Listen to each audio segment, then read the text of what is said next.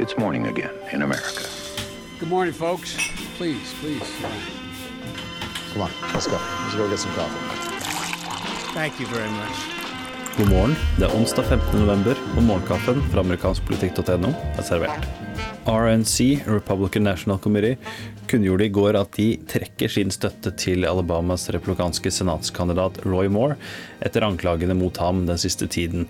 Eh, og Det innebærer da at de ikke kommer til å samle inn noen penger til More, og de kommer heller ikke til å bistå More-kampanjen på noe som helst måte fram til spesialvalget til Senatet i Alabama den 12.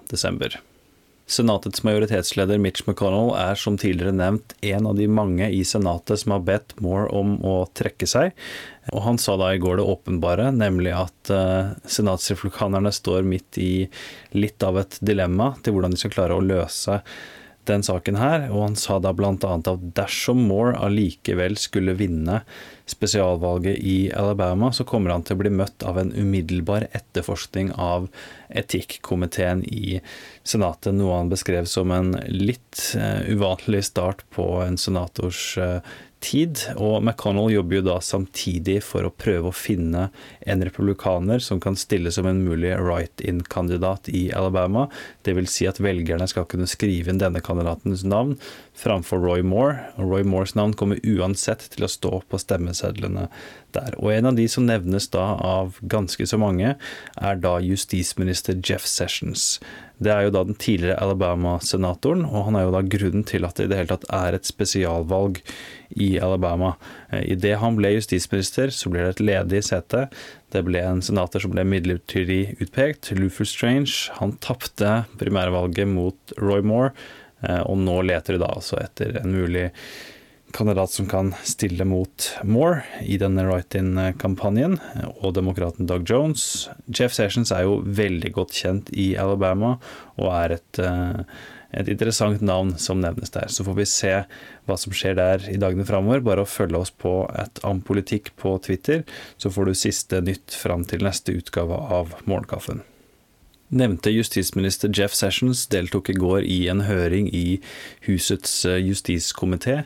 Eh, og som jeg omtalte i går, så var det jo da snakk om at eh, Justisdepartementet muligens skulle se nærmere på Hillary Clinton, med da snakk om mulige utnevnelse av en spesialetterforsker til å se nærmere på Hillary Clinton og mulige tidligere skandaler. Og jeg trakk samtidig fram at det her kunne være en sånn tåkemaskin for å ta litt fokus vekk fra det som kom fram om Donald Trump jr. og Wikileaks og meldingene han mottok under 2016-valgkampen. Sessions sa i alle fall da i går at det ville være galt å gjøre noe slikt, og at Justisdepartementet aldri kan bli brukt til å gå etter noens politiske motstandere på en slik måte. Eh, og han sa jo da også at eh, det, han ikke hadde sett noe som eh, tilsa at det skulle utnevnes noen spesialetterforsker.